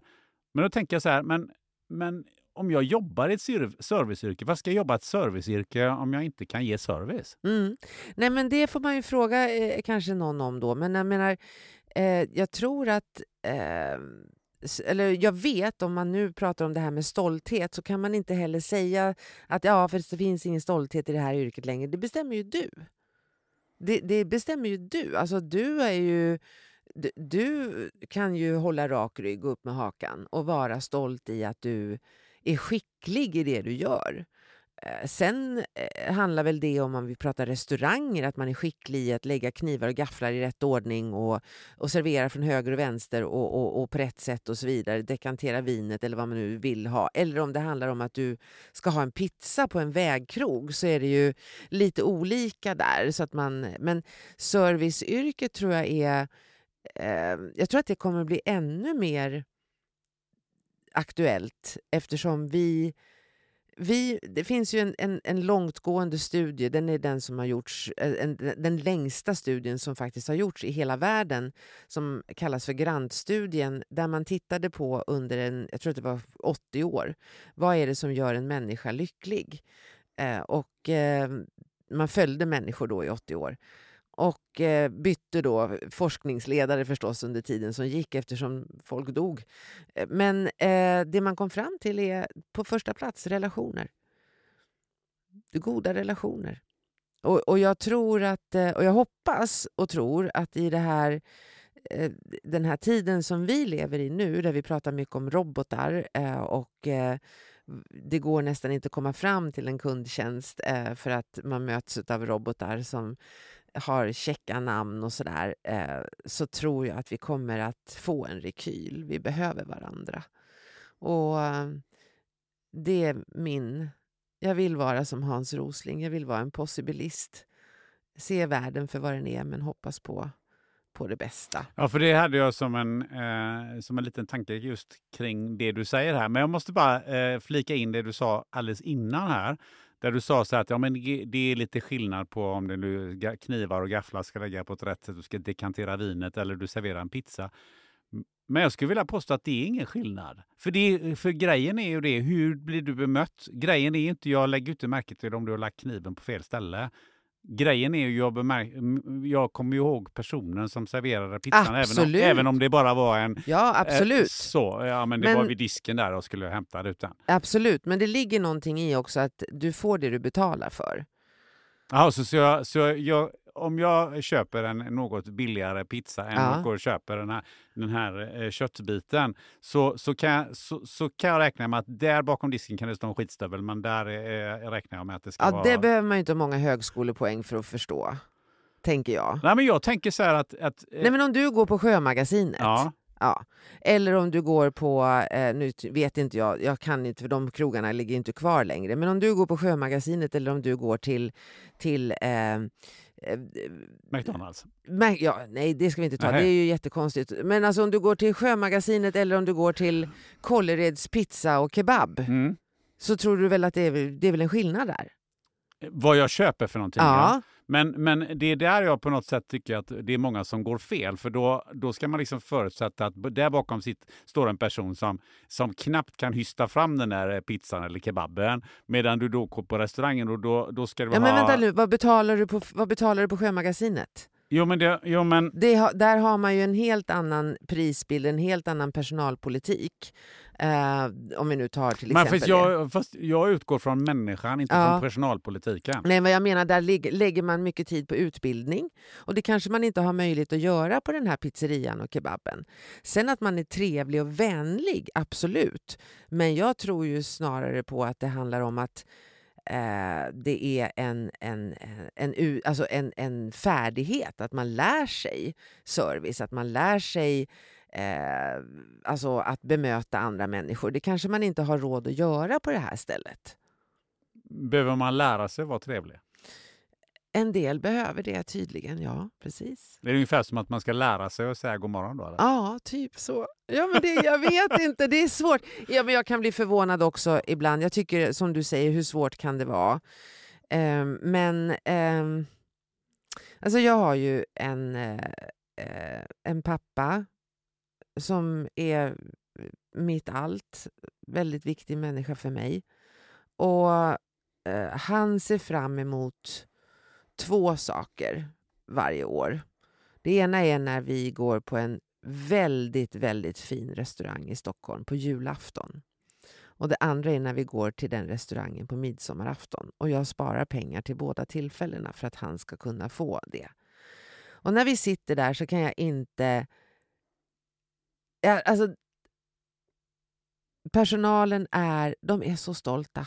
Och de är så skickliga. De går i sina vita rockar med, med guldknappar på och så möter de min pappa i dörren och så säger de så här Välkommen pappa, god jul!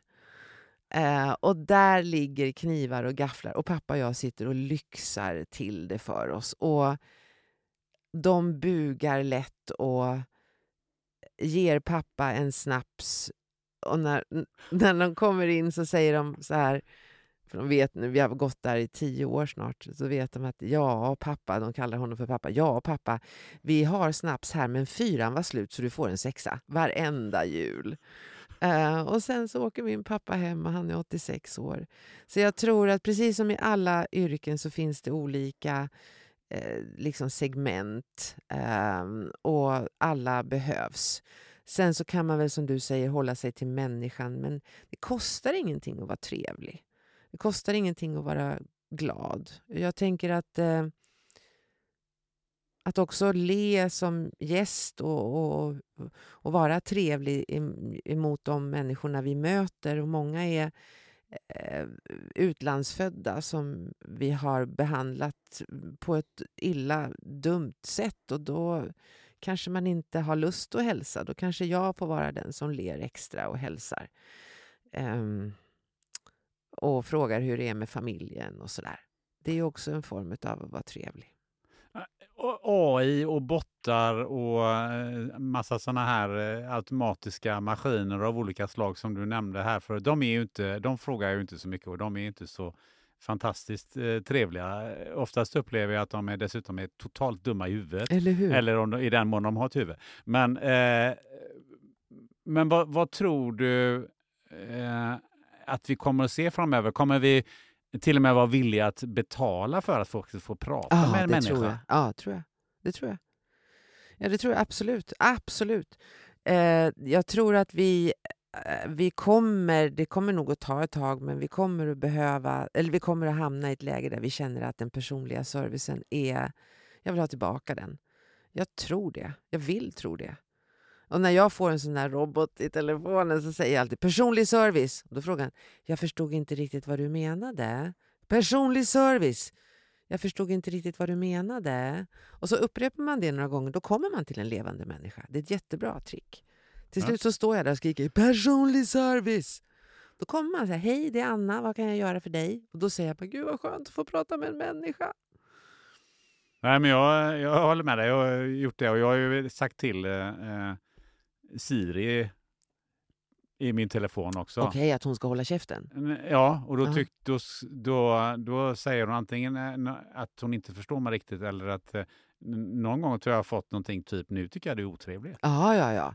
Nu har ju jag deaktiverat Siri så jag har inte ens henne där. Alltså, hon får bara hjälpa mig att ringa pappa eller ringa Sara. Men annars så är jag inte, nej, jag har ingenting sånt. Du, eh, vi studsar från eh, Siri eh, på krockkudden och hamnar eh, någon lite annanstans.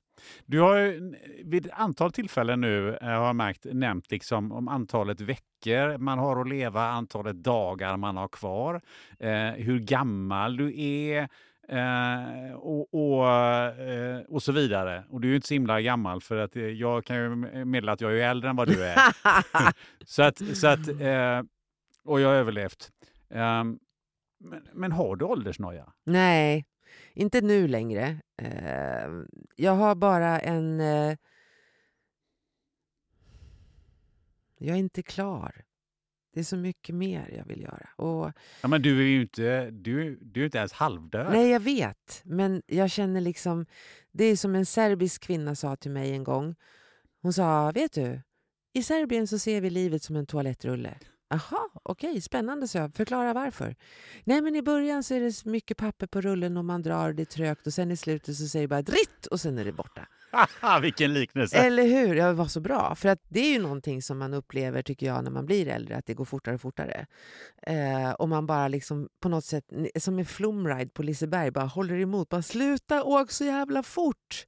För det är så mycket jag vill göra. Så nej, jag har ingen åldersnoja. Jag känner bara så här, jag känner så här att jag är så tacksam. Och nu kommer vi till det. Jag är så otroligt tacksam för att jag har kommit hit med livet i behåll. Jag har inte varit och är inte än sjuk. Eh, inte några allvarliga olyckor. Jag har fan klarat av så jävla mycket skit eh, i livet och står här. Liksom. Jag träffade en kille idag och jag frågade, vi pratade lite grann och så sa han att jag är en nybliven farsa. Och jag kunde bara säga, så bara, gud stackars dig. Eh, Varför det? Därför att jag vet vad han har framför sig. Det är jätteunderbart. Och jag säger inte stackars för att han inte ska ha det. Det är fantastiskt. Men det är jobbigt. Det är jobbigt. Det är jobbigt att ha barn och man ska pyssla och pussla och, och, och de ska vara, klara sig i skola och förskola så kommer de hem med räknesager och då går topplocket på alla och håret brinner och så får de löss och så har man springmask hela familjen. Alltså det är jobbigt. Det är jobbigt. Och jag känner bara, jag har fan klarat det där. Och mina barn kommer inte att få barn. Jag kommer inte, de ska inte. Då har jag sagt håll ihop. Inga barn, barn på ett tag, tack. Jaha. Mm. Men eh, ändå om det här med... Nu måste vi snart avrunda. Alltså, vet du det? jag har ingenting mer att prata om. Nej, det har vi visst det. För att det... det eh, men det är ju någon som har avslöjat för mig eh, som, som säger liksom så här att, eh, att nu, nu, nu tar du i lite extra här för du ska ju fylla 60 snart. Ja, Och så ska du liksom, nu ska jag göra så mycket grejer som möjligt tills jag, när, tills, innan jag fyller 60. Jag ska exponera mig och jag ska, jag ska göra massa grejer. Varför, varför då? Nej, men det, ja, både ja och nej. Eh, grejen är så här att jag hade lite små panik förra året när jag fyllde 59. För man vet ju att man kan räkna. Och, och så tänkte jag så här, helvete! Jag vill inte. Vill inte fylla mer. Nu vill jag inte fylla flera år. Nu räcker det. Nu stopp! Och, och då förstod jag sen att det gick inte att stoppa. Eh, och då så tänkte jag så här att jag vill inte vara med när jag fyller 60. Jag tänker inte vara med. Jag tänker protestera. En tyst demonstration. Jag ska klistra fast mig någonstans och säga stoppa åldrandet. Eh, och så tänkte jag att jag åker till Maldiverna och gömmer mig. Mhm. Men- Fyller du inte, blir du inte ett år? eller- Men liksom? kan du vara, vänta lite nu. Så här, vad jag hade för plan var att jag ville bara gå under radarn. Okej? Men att åka till en ö och ligga där och fylla år och folk skickar sms, det var ju jättedeprimerande. Så vad har jag att välja på? Och då tänkte jag så här, nej men då gör jag det värsta, största jag kan. För om man ska göra någonting jätteläskigt, då ska man göra det all in. Okej. Och nu ska jag fylla 60 och jag tycker det är jätteläskigt. Varför är det så läskigt då? Ja, men det är bara för att jag tycker att tiden går för fort. Jag ska fylla och jag tycker, inte, jag tycker det är läskigt. Eh, och eh, Då har jag bestämt mig för att eh, jag ska göra det med sånt dunder och brak så att det inte går att komma undan. Alltså, det, det var... Alltså jag, jag, jag lyssnade på den här, äh, eh, den här killen som numera heter Li, snickaren, eh, som äntligen då fick bejaka den här kvinnan som heter Li. Och han sa det att jag var tvungen att göra det. Det stod ju överallt. Det var på tv och det var tidningar. Jag ska göra det med sån dunder och brak så att jag inte kommer undan det här. Och Det är lite grann som du vet när folk ska sluta röka. Då ska man berätta det för alla för att man inte ska komma undan. Så nu blir det en stor bal eh, i en slottsbyggnad eh, eller en slottslokal med ett elvamannaband eh, och eh, cirka hundra gäster. Eh, mina roliga vänner, många från Göteborg. Eh, och det blir, alla kommer att få danslektioner. Eh, och det blir en bal på slottet helt enkelt. som pågår hela från fem till ett. Det är ju till att braka till. Ja, det är till att braka till. Så så tänker jag. Eh, och det har i planeringen av det här så har det, har det har varit terapeutiskt. Alltså att jag börjar tycka att det är helt okej. Eh, så att, ja, det, det, jag, jag är jätteglad för att jag slår på stora trumman. Men vad händer sen då? Sen blir det ju 61 och 62, Ja, det går lika men- fort det. Ja, absolut, men jag tror att det, för för mig har det varit vissa pucklar. Eh, och det finns ju... Eh, jag tror inte att jag är ensam där. Det finns ju säkert en anledning till att 50, över 50 procent som springer maraton har en ålder som slutar på nia. Så i varje lopp så är det över 50 procent är en 29, 39, 49, 59 eller 69. Man är lite sådär äh, styrd där utav nu jävlar, nu ska jag springa maraton. Um, och i Sverige så är vi otroligt åldersfixerade, vilket jag tycker är väldigt märkligt. Men, eftersom jag jämför med Italien. Men, men um, nej, jag, jag, Ta, jag, jag, ska vara, jag är tacksam för att jag får vara frisk och att jag får leva. Och det får jag väl förhoppningsvis göra i några år till. Men eh, jag tyckte att vi ska komma tillbaka till den dassrulle-historien som, Ja, som berättade. den serbiska Den toarullen. serbiska toarullen. Ja, Och du sa att den rullar rullar fortare och fortare. visst är den bra? Ja, visst är den jättebra. Ja. Men när den har rullat slut, Ja. vad ser du framför dig då? Åh, spännande. Ja, men då ser jag att eh, jag har gjort klart allt. Så att mina döttrar vet vad jag har för lösenord till allt och sådär. Och så har jag gjort klart hur jag vill ha begravningen. För det uppdaterar jag hela tiden.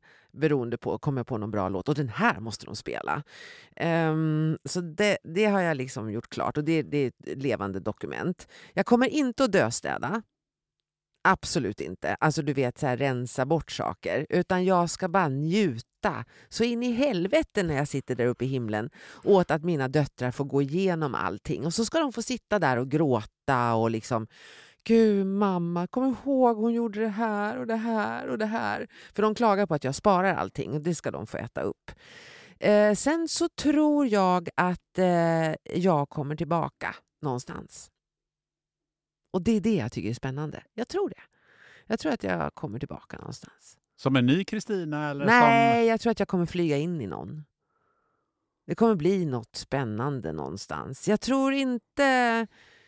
ehm, alltså, jag är lite besviken på Karina för Karina då, hon lovade komma tillbaka och spöka för oss. För vi var ett, ett gäng tjejer som träffades tillsammans med henne och hon har inte gjort det. Ehm, men där tror jag att Karina hade en sån fin själ så att universum behövde henne någon annanstans. Och jag vill ju vara en sån här fin. Jag vill liksom inte återfödas som en mördarsnigel i Ryssland. Det känns jättetråkigt. Så jag, det låter Eller hur? fruktansvärt tråkigt. eller hur? Så jag försöker leva så att jag får en så här bra odds. Ehm, jag tror inte på himlen. Gör jag inte. Jag tror att... eh, men jag tycker det är rätt kul att du ska sitta där uppe och skratta åt dina döttrar och du inte har dödstädat. Då kommer du garva åt dem att de, har, is- att de klagar över att de ska slänga grejer i containern. Ja, nej, att de ska, jag, ska, jag ska skratta lite grann åt när de sitter, Jag så skratta mjukt, varmt, när de säger så här, och så kolla det här som mamma sparar. Så jag säga, där ser ni, vad bra, vad bra att jag sparade de där sakerna. Nej, eh, jag vill, jag, jag lever väldigt mycket för att eh, ehm, jag ska få avsluta fint och för att eh, jag ska lämna efter mig till de två som betyder så mycket för mig det absolut bästa. Det tycker jag är en eh, bra eh, avslutning på det här samtalet. Vad har du tyckt om det här? Ja, men- lite, lite mer eh, löst, löst i kanten. Nej, alltså jag tycker att det här är ett av de roligaste samtalen som jag har haft i en podd. Eh, du är fantastisk och eh, Eh, att sitta och prata om såna här saker och tiden går och det ena hakar i det andra. Det är så det ska vara. Alltså samtal, det är underskattat. Och eh, jag vet att det är många som kanske åker till Spanien eller Grekland och så kommer de hem och säger Gud det är så trevligt med människor där nere vid Medelhavet. De pratar med varandra hela tiden. Men ta med dig det hem. Börja prata här också. Du frågade mig lite grann i uppsnacket innan vi gick in här i, i studion hur, liksom, hur kommer det sig att jag håller på med det här? Ja. Och, och jag kan väl säga så här att det är en ynnest att få träffa sådana som dig och alla de andra människorna som jag har träffat här, för de har gett mig så otroligt mycket. Ja, detsamma. Kul. detsamma. Ja, kul. Du, ehm, du fick ju en, du fick en liten uppgift av mig också. Ja. Mm, vem tycker du eh, jag borde intervjua? Alltså, jag har funderat väldigt mycket fram och tillbaka för du har ju intervjuat väldigt, väldigt många. Eh, och jag har liksom... Eh, alltså jag tycker att du ska intervjua... Jag, vet, jag tror inte att du har intervjuat Christian Hedberg. Känner jag inte igen, nej. Nej, Christian eh, är... Eh, eh, han bor i Dalarna. Eh, han har skrivit en bok som heter Ingen vill dricka kaffe med någon som är bitter. Eh, Christian är, eh, han älskade att klättra i berg eh, och klättra på väggar och sånt. Och så skulle han visa sin tjej som han hade då hur man gjorde. Och så ramlade han och så bröt han ryggen. Och han sitter i rullstol sedan dess. Eh, nu har de, eh, de eh, gifta har fått barn. Eh, men han har sån verk i de benen som han inte känner något, de, Han har ingen, ingen kontakt med benen. Men benen verkar och han säger att det är som tusen nålar. Du vet när man vrider om armen så här. Mm. Så är det på benen. Så han fick veta eh, rätt tidigt i sin rullstol att du har två saker att välja på. Antingen träna som fan eller äta morfin. Och då valde han att träna. Och så plötsligt så hamnade han i Paralympics och eh, spelade hockey och han spelar basket. Och han är en av dem som jag har som förebilder. Eh, och jag vet att han har mig som förebild. Och vi, han är en sån livsbejakande människa som jag tycker du ska intervjua. Mm, ett riktigt, riktigt bra eh, tips. Det ska jag ta reda på mer om. Mm. Eh, om det nu är någon, eh, och förhoppningsvis är det många, som har blivit riktigt inspirerade av eh, dig och vårt samtal här och kanske vill höra mera av dig. Ehm, för jag vet att du är ute och föreläser och gör en massa sådana här saker. Hur, hur kommer man i kontakt med dig då? Nej men just det, herregud! Jag ska ju ha en öppen föreläsning i Göteborg. Då ska får du du- göra reklam för den Vill du jag. komma? Ja. Vill du? Ja. Ja, men då, jag får ju bjuda in två gäster. Då bjuder jag in dig och eh, eh, din... eh, Hade du någon fru eller? Ja, jag har en Ja. fru. Nu ska vi se här. Eh, då ska jag vara här. Jag ska vara i Göteborg den 13 november klockan 18.00 på Scandic Göteborg central. Vad härligt. Då är du välkommen. Då ska jag prata om hur fan man ska göra med det här livet som inte är så snällt ibland och hur man ska göra som du säger, varför ska det vara så svårt? Eh, och så kommer man i kontakt med mig genom att googla. Kristina Stielli, det är bara jag som heter så i hela världen. Eller så kan man ringa dig. Och så har du en egen eh, Hemsida. Ja, hemsida. exakt. Där Ja. kan man också komma i kontakt Så om man med inte kan komma där den 13, Instagram. 13 november Ja. så, så kan man även efter den 13 november gå att även Ja, ja, ja. Och jag har jättemycket aktivitet på mitt Instagram så jag finns lite överallt. att- Kristina Steli, ett stort Mm. tack för det här samtalet. Tack. Det är jag som ska tacka. Verkligen. Tack så fan. tack. Gud vad roligt!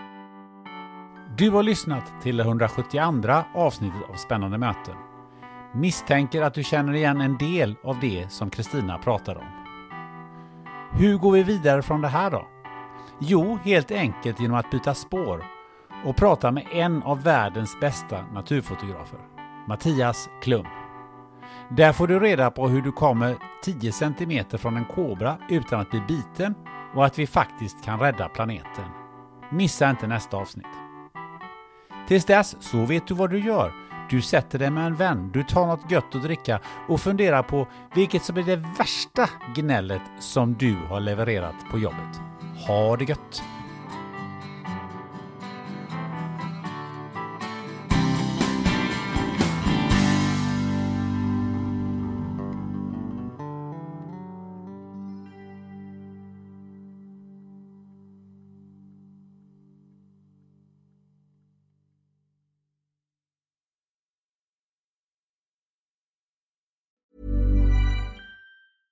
Ever catch yourself eating the same flavorless dinner three days in a row? Dreaming of something better? Well, HelloFresh is your guilt-free dream come true, baby. It's me, Gigi Palmer. Let's wake up those taste buds with hot, juicy pecan-crusted chicken or garlic butter shrimp scampi. Mm. Hello Fresh. Stop dreaming of all the delicious possibilities and dig in at HelloFresh.com. Let's get this dinner party started. Imagine the softest sheets you've ever felt. Now imagine them getting even softer over time. That's what you'll feel with Bowl and Branch's organic cotton sheets. In a recent customer survey, 96% replied that Bowl and Branch sheets get softer with every wash. Start getting your best night's sleep in these sheets that get softer and softer for years to come. Try their sheets with a 30-night guarantee. Plus, get 15% off your first order at bowlandbranch.com. Code BUTTERY. Exclusions apply. See site for details.